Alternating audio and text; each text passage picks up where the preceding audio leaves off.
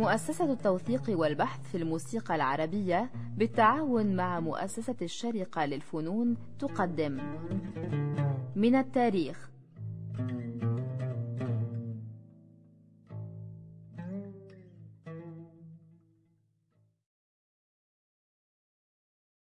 سادة المستمعين أهلا وسهلا بكم في حلقة جديدة من برنامج من التاريخ. نتحدث فيها عن تاريخ التسجيل في بلاد اليمن السعيد. نستضيف فيها الأستاذ الدكتور جون لومبير المتخصص في البحث الموسيقي في بلاد اليمن وهو على فكرة برضه بيغني كويس قوي بس هو ما بيحبش يقول. شكرا شكرا. يبدو إنه التسجيل في بلاد اليمن تأخر خالص خالص خالص. يعني إحنا بنقول إنه التسجيل في مصر مثلا بدأ بعد حوالي عشرين سنة من بداية التسجيل من الأصل عند توماس إديسون. ومع ذلك بنقول إنه التسجيل في مصر بدأ متأخر لكن يبدو إنه بدأ في اليمن أكتر من كده بكتير خالص. إيه القصة دي؟ هل في ناس مثلا قبل شركات التسجيل راحوا بكوبايات بسلندرز مثلا سجلوا على الصعيد البحث الميداني أو كده ولا على طول التسجيل بدأ مع شركات الأسطوانات؟ نعم فعلا هذا الشيء ملحوظ. التسجيلات تأخرت في اليمن. هذا دليل على أنه البلد كان مسكر يعني لأسباب تزمت ديني وانعزال سياسي. لعلمي التسجيل الأول في اليمن في صنعاء في اليمن التاريخي يعني مستشرق ألماني وعالم موسيقى اسمه هانس هيلفريتس. جاء اليمن في أواخر العشرينات وبداية الثلاثينات. جاء اليمن بهدف دراسة موسيقية. وسجل عدة أنماط من الموسيقى منها الرقصات الشعبية وأغاني بصوت. أنا سمعت نبذة منها ولكن لم تنشر هذه التسجيلات بعد فليست معروفة كثير وهي موجودة في متحف الإثنولوجي ببرلين. فلابد أن تدرس هذه التسجيلات وسوف توفر لنا معلومات كثير عن تاريخ الموسيقى اليمنية. قلت لي خارج التسجيل إنه هذا الرجل له قصة. نعم هذا الرجل وصل إلى اليمن بهذا الجو الديني المتزمت مثل ما قلت سابقا وكان يسجل الناس. أكيد أنه هذا كان يثير الشك والتحذر من الناس وخاصة المتدينين منهم. اتهم بالتجسس. الله أعلم يعني صح أو مش صح. سافر أيضا إلى مارب إلى مناطق قبيلية وريفية. لم تكن متعودة أن تستقبل أي أجنبي يعني. فلقي صعوبات كثيرة وبالنهاية احتبس في صنعاء عدة أشهر. ثم لما طلع من الحبس وطلع من اليمن ألف كتاب ظريف يعني يحكي كل هذه القصة في الكتاب. عجيب يعني الحمد لله. استطاع أيضا أن يطلع من اليمن الاسطوانات اللي كانت cylinders cylinders لم تكن بعد لا reel ولا اسطوانات. فالحمد لله يعني بالعجائب طلع هذه التسجيلات من اليمن وأيضا استطاع أن يحكي كل هذه القصة في الكتاب. الكتاب باللغة العربية عنوانه اليمن من الباب الخلفي. هانس هيلفريتس فعلا الإمام يحيى حميد الدين كان يخاف على اليمن من الانفتاح يخاف من التدخل الأجنبي أولا طردوا العثمانيين الأتراك ودافعوا عن الاستقلال اليمن ولكن على أساس محافظ وتزمتي. لذلك لم تفتح الإذاعة في اليمن إلا في سنة 1955 ده فعلا متأخر. نعم. هذا كان رد فعل على إذاعة صوت العرب لأن كانت أيضا بدأت تبث من القاهرة وتبث أفكار سياسية تحررية نسبيا. تحررية عسكرية. عكس الاستبداد الملكي الموجود في اليمن. فالإمام أحمد اللي هو ابن الإمام يحيى حميد الدين الذي تولى الحكم في 1948 استشار علماء الدين وشاف إنه علماء الدين ما زالوا رافضين فتح الإذاعة. مع ذلك فتح الإذاعة وبدأ بنشرات أخبار طبعا وأيضا سجلوا فنان يمني كان موجود في صنعاء. في ذلك الوقت كان اسمه قاسم الأخفش هذا الفنان سجل آه، على الريل لأنه في ذلك الوقت يعني الريل كان موجود. فهذا سمح أن آه، يعطي مدة شوية أطول للتسجيلات. ولكن في اليمن كان يوجد في مدينة عدن تسجيلات قبل إذاعة صنعاء. وهذه التسجيلات حصلت في آخر الثلاثينات في 1939 على يد شركة أوديون تسجيلات تجارية لشركة أوديون للشيخ علي أبو بكر باشا رحيل. في هذه الأثناء وصلت الحرب. وبطلت شركة أوديون لأنه كانت شركة ألمانية ببلد إنجليزي يعني عدن. فوقفت نشاطاتها التجارية والتسجيلية. وبدأت شركات محلية فورا. منها شركة مهمة جدا اسمها شركة التاج العدني بالإنجليزي Aden Crown Company. وهي أخذت عن أوديون واستمرت بتسجيل الشيخ علي أبو بكر بشرحيل وأيضا الشيخ صالح عبد الله العنتري والشيخ محمد الماس. كان لسه عايش محمد الماس. كان لسه عايش. الماس وبشرحيل ماتوا اثنيناتهم بالخمسينات. ففي الأربعينات سجلوا ب Aden Crown إنما إبراهيم الماس استمر. إبراهيم الماس طبعا هو كان ابنه لمحمد الماس. استمر ولكن هو لم يعزف على القنبوس. فانتقل مباشرة إلى العود الشرقي الذي نسمي في اليمن عود الكبنج. هي تسمية محلية مميزة لأن هي تحويلة من كمان اللي هو طبعا ال violin ليس العود. الكمنجة حولوها إلى الكبنج. فإبراهيم الماس طبعا اشتهر بالغناء بمرافقة الكمنج وغنى وسجل عدة عدة تسجيلات يعني أكثر من 150 200 يمكن أغنية في شركة تاج العدني وفي شركات أخرى أقل أهمية مثل جعفر فون وشركات أخرى في عدن في الأربعينات. لكن إبراهيم الماس أحيانا فعلا كان بيغني مع كمانجا. يعني كان معاه عوده كان في كمانجا فعلا موجودة. نعم كمان أيوه. بس عكس. كمان بشرحيل يعني أحيانا كان في كمانجا فاذا التسجيل بدأ مع شركة أوديون مع إنه الإنجليز موجودين في عدن قبل كده بكتير بس جراموفون ما جاتش تسجل صح؟ نعم جراموفون لا ما جتش طيب هل حد راح من المطربين اليمنيين سجل بره اليمن قبل كده؟ يبدو إنه كان يوجد فنانين حضارمة من حضرموت. كانوا عايشين في إندونيسيا وفي الهند.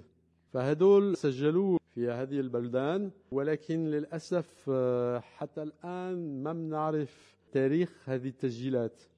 وهذه بتحتاج إلى عمل كبير يعني علشان نسترجع كل التسجيلات على يد شركات هندية وإندونيسية. بس أنا شايف كتير جدا labels يمنية في الهند Gramophone India يعني. وفي جراموفون هنديا آه. ونعم نعم أكيد. فبالتالي دي فينا بسهولة نحدد تاريخ تسجيلها بالشهر حتى إيه ممكن يعني بس يحتاج إلى شغل خاص يعني فمنهم واحد اسمه الشيخ محمد البار سجل في إندونيسيا. وفي الهند يعني أنا سمعت ترتيل قران لم أسمع فنانين يمنيين بس أعتقد إنه يوجد. طيب تعال نسمع حاجة للشيخ محمد البار.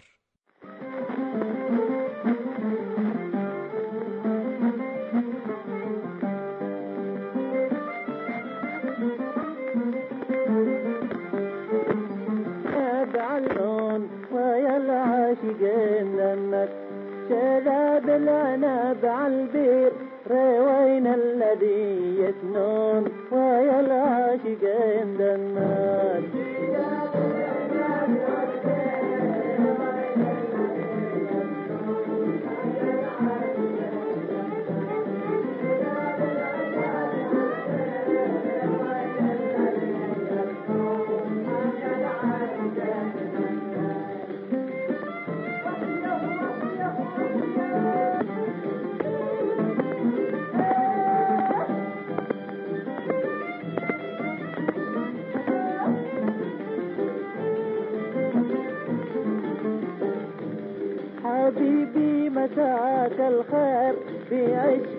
أنا مفتون ويا العاشقين دنك حبيبي متاك الخير بعشقك أنا مفتون ويا العاشقين دنك إذا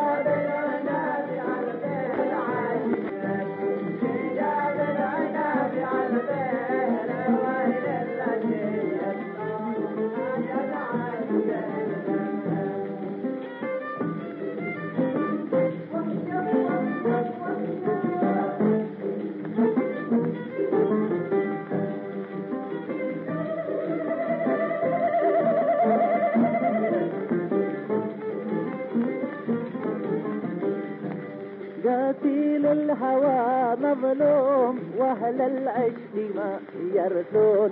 ويا العاشقين دمت قتيل الهوى مظلوم وأهل العشق ما يرثون. ويا العاشقين دمت إيجاد العناب على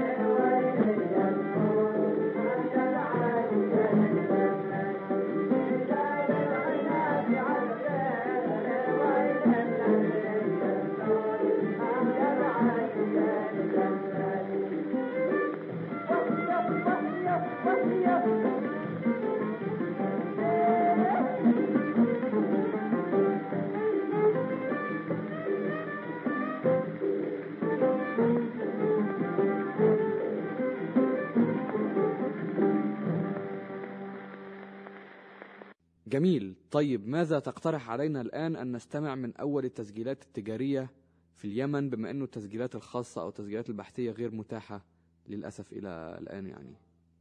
هنا الخيار واسع. ممكن نسمع مثلا الشيخ علي أبو بكر بشار رحيل لشركة أوديون.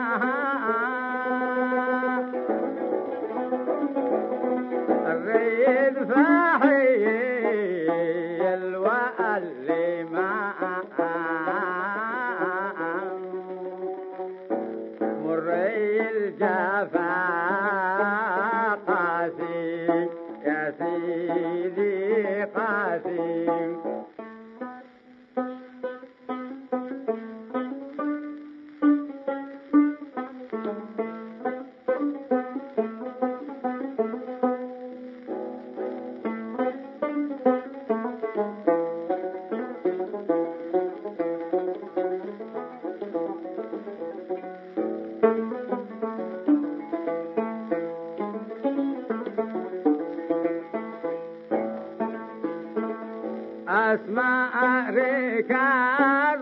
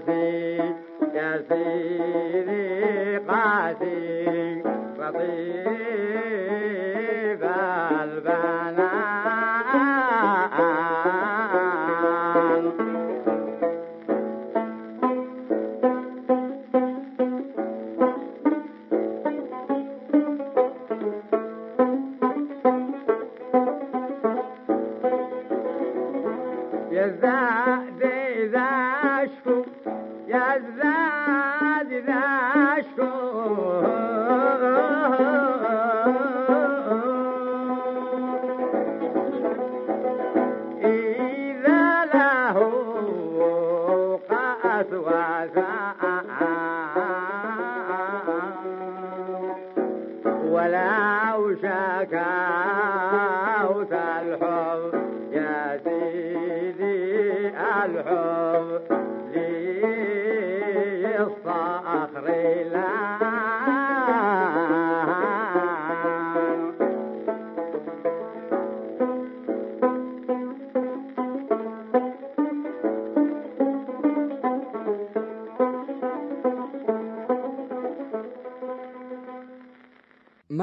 الشيخ علي في حد سجل في نفس الوقت اللي هو محمد الماس ويبدو إنه الماس دي عيلة بحد ذاتها موسيقية يعني. فهل هذا صحيح؟ عائلة الماس آه، كانوا آه، كتير آه، فنانين يعني. منهم طبعا محمد الماس وابنه إبراهيم. ويوجد أيضا شخص اسمه عبد الرحمن الماس سجل في نفس الأوقات يعني من جيل إبراهيم تقريبا. بعتقد بيكون ابن عمه تقريبا. هل آه، كانوا من قبل آه، أيضا فنانين؟ هذا لا أعرف بالضبط. ما إحنا قلنا الأسماء ما كانتش معروفة بسبب التزمت يعني. إيه يعني هذا صعب آه،. نتاكد منه. آه. طيب نسمع حاجة للشيخ محمد الماس. اسطوانات الساق العدني. المطرب الشهير الشيخ محمد الماس.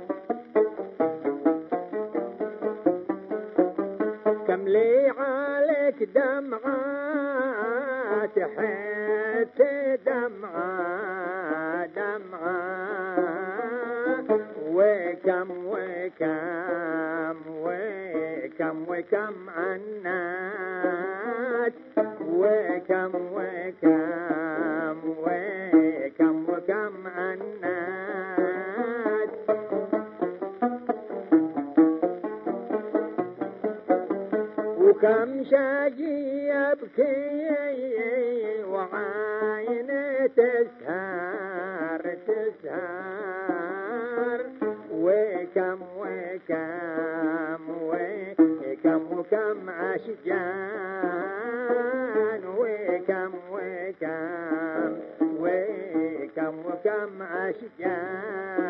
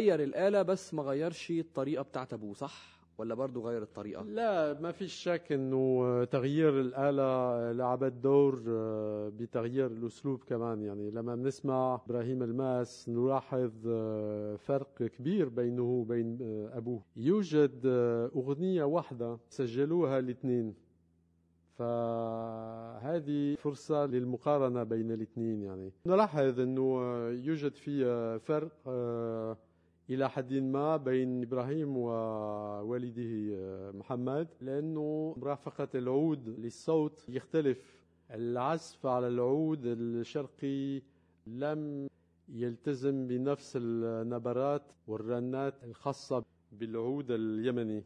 العود اليمني مرافقته للصوت خاصة عن محمد الماس وعند أبو بكر باشا رحيل. يبدو بطيء مثلا لا يوجد تريش كثير. بينما في العود الشرقي وخاصة عند إبراهيم مثلا تجد مثل هذا التريش. ريشة مستمرة. إيه مستمرة. وفي نفس الوقت في قفزات أو أشياء موجودة في العود اليمني ليست موجودة في العود الشرقي. بس ده في العزف أنا قلت لك هو غير الآلة بس بتكلم كصوت كمغنى بقى في فرق كبير؟ المغنى كمان يعني بيختلف شوي. مش كبير مش كبير بس يعتبر تغيير يعني ما في شك. لأن شوية عن أبوه إبراهيم الماس. كيف؟ أصبح الين شوية اللي أنا أكيد. بسمعه يعني إن هو أكيد ألين يعني كده شوية من آه،. خاصة إنه آه، التسجيلات القديمة ما كان في انفراد للعود مثل ما صار بعدين يعني فما في شك إنه مثلا إبراهيم الماس كان متأثر بمحمد عبد الوهاب التقى بمحمد عبد الوهاب أعتقد في عدن نعم استقبلوا محمد عبد الوهاب في عدن وكان موجود إبراهيم الماس والتقوا. وكان معجب بالأغاني المصرية وغنى بعض الأغاني المصرية وسجلها. نعم إحنا عندنا له تسجيل آه، متاع حياتك. لدور. آه مش لمحمد عبد الوهاب بس نعم. إنه دور متع إيه. حياتك بغنيه باليمني. إيه نعم نعم. طيب تعال نسمع حاجة يمني لإبراهيم الماس وبعدين نسمع متع حياتك. نعم. نسمع آه، لإبراهيم الماس الغويدي نظم. هذه أغنية مهمة لأنه هو نفسه موشح بالأجزاء الثلاثة المكونة للموشح اليمني. هو موشح قديم لا نعرف نسبه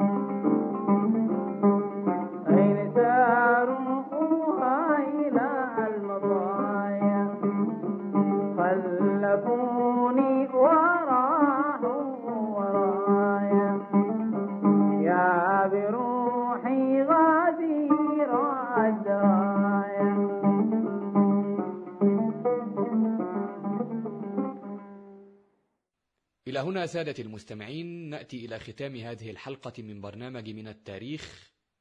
نشكر الأستاذ الدكتور جون لومبير على وجوده معنا في هذه الحلقة. كما نتقدم بخالص الشكر للأستاذ أحمد الصالحي الذي ساعدنا في جمع المادة المسجلة لهذه الحلقة. ونشكر أيضا وننوه أيضا إلى أن العديد من التسجيلات في هذه الحلقة من مجموعة أسطوانات العظيم الشيخ خالد الثاني الذي أحاطنا بكرمه وأمدنا بما أردنا من تسجيلات من مكتبته.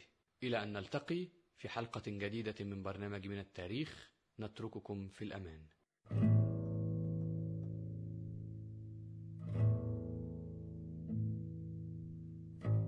من التاريخ. فكرة وإعداد مصطفى سعيد.